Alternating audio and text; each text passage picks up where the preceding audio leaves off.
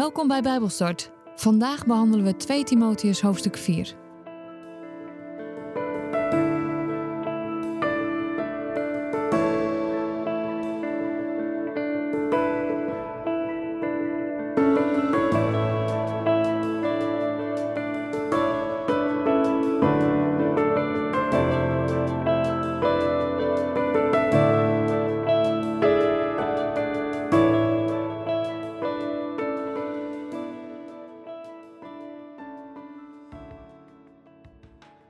Ik lees met jullie uit de basisbijbel 2 Timotheus hoofdstuk 4. Wat mij betreft, mijn leven zal binnenkort geofferd worden. Ik weet dat ik binnenkort zal sterven. Ik heb de goede strijd gestreden. Ik heb de wedstrijd uitgelopen. Ik heb het geloof vastgehouden. Mijn beloning ligt voor mij klaar. Op de grote dag zal de Heer, de rechtvaardige rechter, mij die beloning geven. En niet alleen aan mij, maar ook aan alle andere mensen die vol verwachting hebben uitgekeken naar zijn komst. Doe je best om gauw naar me toe te komen, want Demas heeft me in de steek gelaten. Hij hield meer van de wereld dan van de Heer. Hij is naar Thessalonica vertrokken. Crescens is naar Galatië vertrokken. Titus naar Dalmatië. Alleen Lucas is nog bij mij. Haal Marcus op en breng hem mee, want hij kan veel voor me doen. Tychicus heb ik naar Efeze gestuurd. Als je komt, wil je dan de mantel meebrengen die ik in Troas bij Carpus heb laten liggen? Breng alsjeblieft ook de boekrollen mee en vooral de perkamenten. De kopersmid Alexander heeft mij veel kwaad gedaan. De Heer zal hem daarvoor straffen. Kijk uit voor hem, want hij heeft onze woorden van het goede nieuws heel erg tegengewerkt.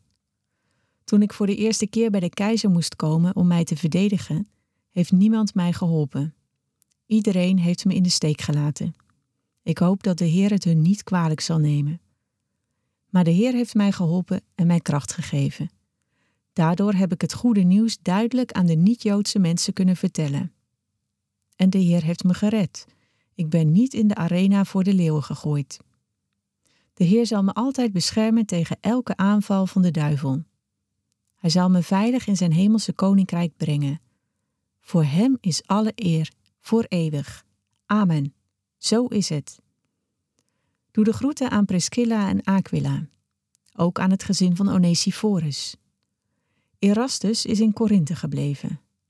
Trofimus moest ik ziek in Mileten achterlaten. Doe je best om voor de winter naar mij toe te komen. Je moet de groeten hebben van Eubulus, Pudens, Linus, Claudia en alle broeders en zusters. Ik bid dat de Heer Jezus Christus je zal helpen en dat Hij in alles goed voor jullie allemaal zal zijn.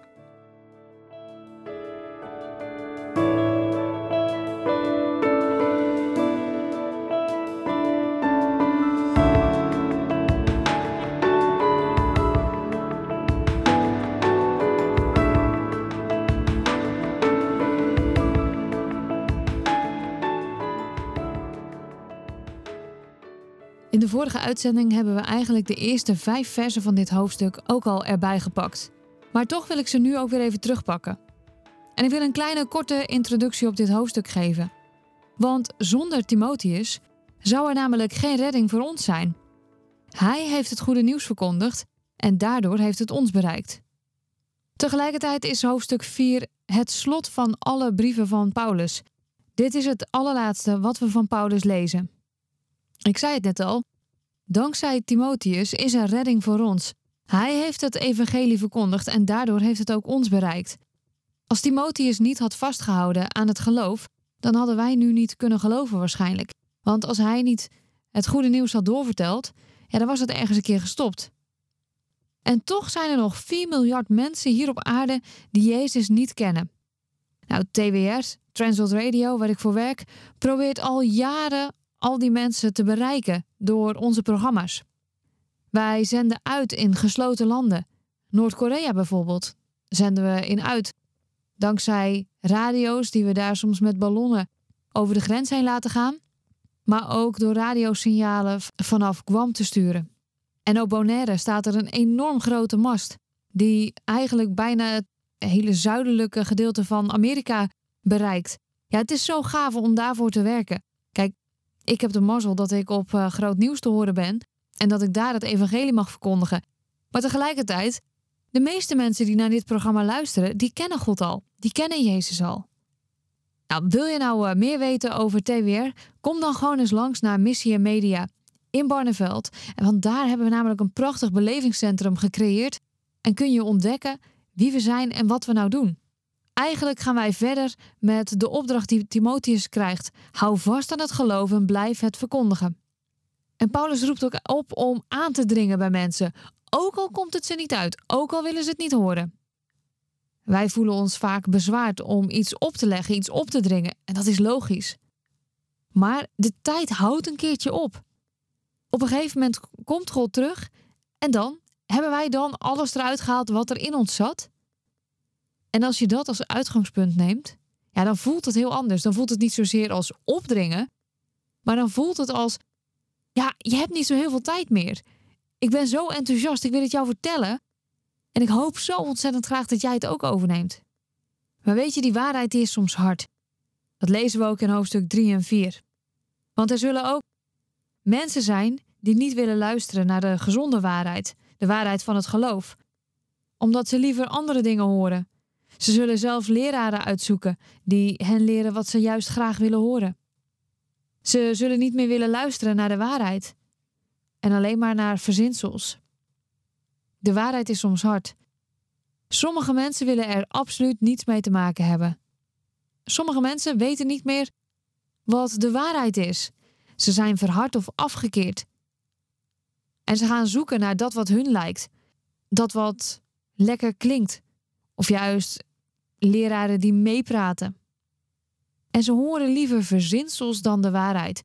Hoeveel mensen zijn er niet verslaafd aan Facebook, aan roddelbladen? Verslaafd aan onzinnige dingen, verzinsels. Facebook is maar een glimp van de werkelijkheid. Meestal zit er zo'n soort Facebook-filter overheen. We laten toch alleen maar zien hoe goed het met ons gaat. En die roddelbladen, daar, daar staat altijd kommer en kwel in. En dat wil niet zeggen dat het daar goed met ons gaat. Als je daarin staat, nou, dan heb je het ook niet getroffen. Maar wat is de waarheid? Sta je open voor de waarheid? En weet je, soms is het ook heel erg lastig om terechtgewezen te worden. Maar je voelt dan wel of iemand wel of geen gelijk heeft. En stel nou dat er iemand tegen jou zegt van joh, hey, dat is niet zo handig. Dat ligt echt niet in lijn met dat wat God voor jouw leven in petto heeft. Ja, misschien weet je het diep van winnen al wel. En misschien knaagt het juist al wel. En het lastige is dat op het moment dat het dus waar is, dan heb je maar zo de kans dat je heel boos reageert. En toch heeft dat ook wel iets bijzonders, want wij christenen, aan de ene kant kunnen we elkaar supergoed op fouten wijzen. En dan hebben we het in liefde een ander op fouten wijzen, vinden we dan veel moeilijker dan maar gewoon recht voor de raap. Dit en dit is echt niet goed van je. Zulke soort dingen worden er gezegd. Maar juist liefde is belangrijk, want als je in liefde de ander meeneemt van joh, is dit nou handig? Juist dan kan groei gerealiseerd worden in plaats van discussie en verdeeldheid. Paulus roept in vers 5 tot en met 8 Timotheus op om helder na te blijven denken. Soms kunnen omstandigheden je gedachten zo overspoelen. Maar blijf helder denken, wat er ook gebeurt. Blijf mensen het goede nieuws brengen. Doe alles wat bij je taak hoort. En ik kan me indenken dat omstandigheden ook Paulus' gedachten beïnvloeden. Hij noemt het in vers 6. Mijn leven zal binnenkort geofferd worden. Hij weet dat hij binnenkort zal sterven. En toch, toch focust hij zich nog steeds op dat wat belangrijk is. Paulus zag namelijk niet op tegen de dood. En hij kan vol vertrouwen blijven zeggen dat hij Jezus trouw gebleven is. Hij wist dat hij de beloning zou krijgen. Leven wij zonder die angst? Mijn oma geloofde het voor echt bijna iedereen, behalve voor haarzelf. Toen ik genas, ging ze iedereen in haar aanleunwoning langs en vertelde ze over Gods goedheid. Ze vond het fantastisch. God was zo genadig. God was zo ontzettend groot. Kijk eens wat hij bij mijn kleindochter heeft gedaan, riep ze uit. Ze, ze ging naar mensen toe die nooit meer wat van het geloof wilden weten. Ze ging naar reformatorische mensen. Ze ging naar. Nou, van links naar rechts, het maakte niet uit. Zij ging op bezoek bij mensen en ze vertelde het wonder, ze vertelde de boodschap van hoop. En voor haar gold het niet, dacht zij. En een paar weken voor haar plotselinge sterf zei ze ineens: Het is ook voor mij. Als ik nu sterf, dan weet ik dat het goed is. Dat was wat ze zei. En het kostte haar 92 jaar om dat te beseffen. Maar wat een blijdschap bracht het ons. Hoe vervelend en hoe erg ik het ook vind en hoe ik haar ook mis, het is goed omdat ze zelf wist dat het goed zat. God had haar die rust gegeven. God had tot haar gesproken dat het ook voor haar was. Dus die beloning, waar Paulus het over heeft, die is dus niet alleen voor mensen als Paulus, de grote namen uit het geloof. Nee, die beloning is voor iedereen. En Paulus wil Timotheus bemoedigen om door te vechten, ondanks die heftige periode waar hij in zit. Paulus heeft de wedstrijd uitgelopen. In Rome was de atletiekwedstrijd heel populair en de winnaar kreeg dan een lauwerkrans. En dat was het symbool van overwinning en eer. De meest begeerde prijs uit Rome. En Paulus weet dat hij zo'n krans zal krijgen van de Heer. Paulus drukt meerdere malen op het hart om snel te komen. Hij zegt het in vers 9 en 10 en in vers 21 zegt hij het nog een keer. Kom snel. Demas, hij noemt de naam Demas, die was een medewerker van Paulus, maar die heeft hem in de steek gelaten, omdat hij zich niet kon overgeven aan God. Hij hield te veel van de wereld. En er zijn twee manieren van de wereld liefhebben. God, die de wereld lief heeft, haar gemaakt heeft en ziet hoe ze zonder zonde zou kunnen zijn, maar hij ook ziet dat dat absoluut niet het geval is en daarom dus Jezus stuurde om de wereld te redden. En van de wereld houden en verlangen naar de dingen die de wereld te bieden heeft, zonder God. Het zijn twee verschillende manieren. En het noemen van de naam Demas roept ook de namen van de andere medewerkers op. Deze waren trouwer aan Paulus dan Demas was. Ze waren vertrokken naar plaatsen om te helpen met het evangeliseren. Marcus wordt ook genoemd en dat is wel opvallend. Je merkt dat Paulus Timotheus en Marcus mist. Marcus is diezelfde Marcus die in de eerste zendingsreis Paulus achter had gelaten. Het is een neef van Barnabas. En in de tweede zendingsreis wilde Paulus hem niet meer meenemen. Barnabas wilde dat juist wel. En dus scheiden de wegen van Paulus en Barnabas. Maar later blijkt Marcus een grote hulp voor Paulus te zijn geweest.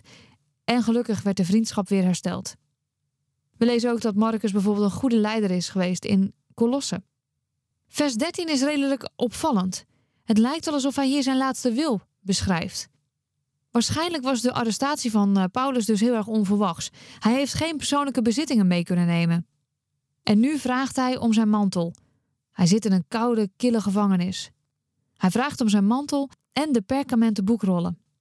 Dat zijn mogelijk onderdelen van het Oude Testament, kopieën van de Evangeliën, zijn eigen brieven, maar dat kunnen ook andere documenten zijn geweest. In vers 17 en 18 spreekt Paulus over de hulp die hij van God gekregen heeft. En het lijkt in eerste instantie over zichzelf te gaan. En toch is dit een bemoediging voor Timotheus. De gemeente was opstandig, er gebeurde veel. De leermeester van Timotheus, Paulus, is gevangen genomen. Timotheus verliest bijna de moed. En dan zegt Paulus: Maar de Heer heeft mij geholpen en mij kracht gegeven. Daardoor heb ik het goede nieuws duidelijk aan de niet-Joodse mensen kunnen vertellen. En de Heer heeft me gered. Ik ben niet in de arena voor de leeuwen gegooid. De Heer zal me altijd beschermen tegen elke aanval van de duivel. Hij zal me veilig in zijn hemelse koninkrijk brengen. Voor hem is alle eer voor eeuwig. Amen, zo is het. En het lijkt in eerste instantie alsof het over Paulus gaat. Maar eigenlijk zegt Paulus hiermee tegen Timotheus: God heeft jou die opdracht gegeven om de gemeente te leiden en om het goede nieuws te vertellen. En dus zal Hij jou de kracht en de moed geven om het te doen. En hoe bemoedigend is dat voor ons ook?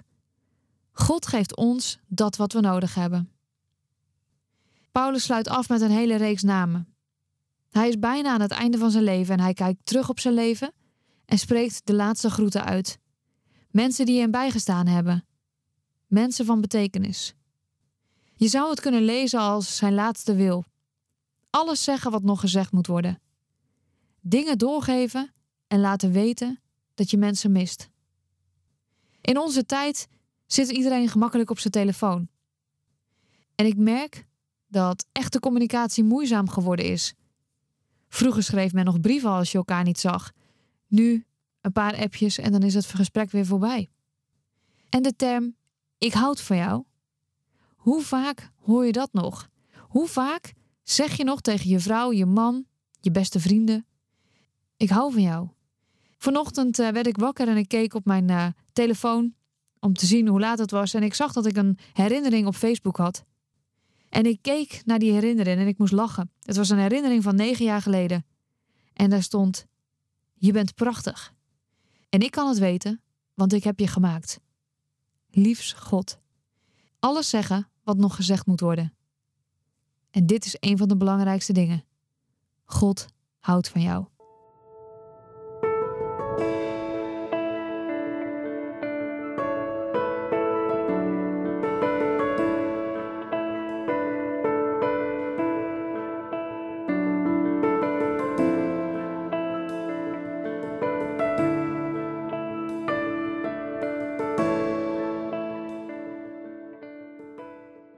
Was Bijbelstart, een programma van TWR.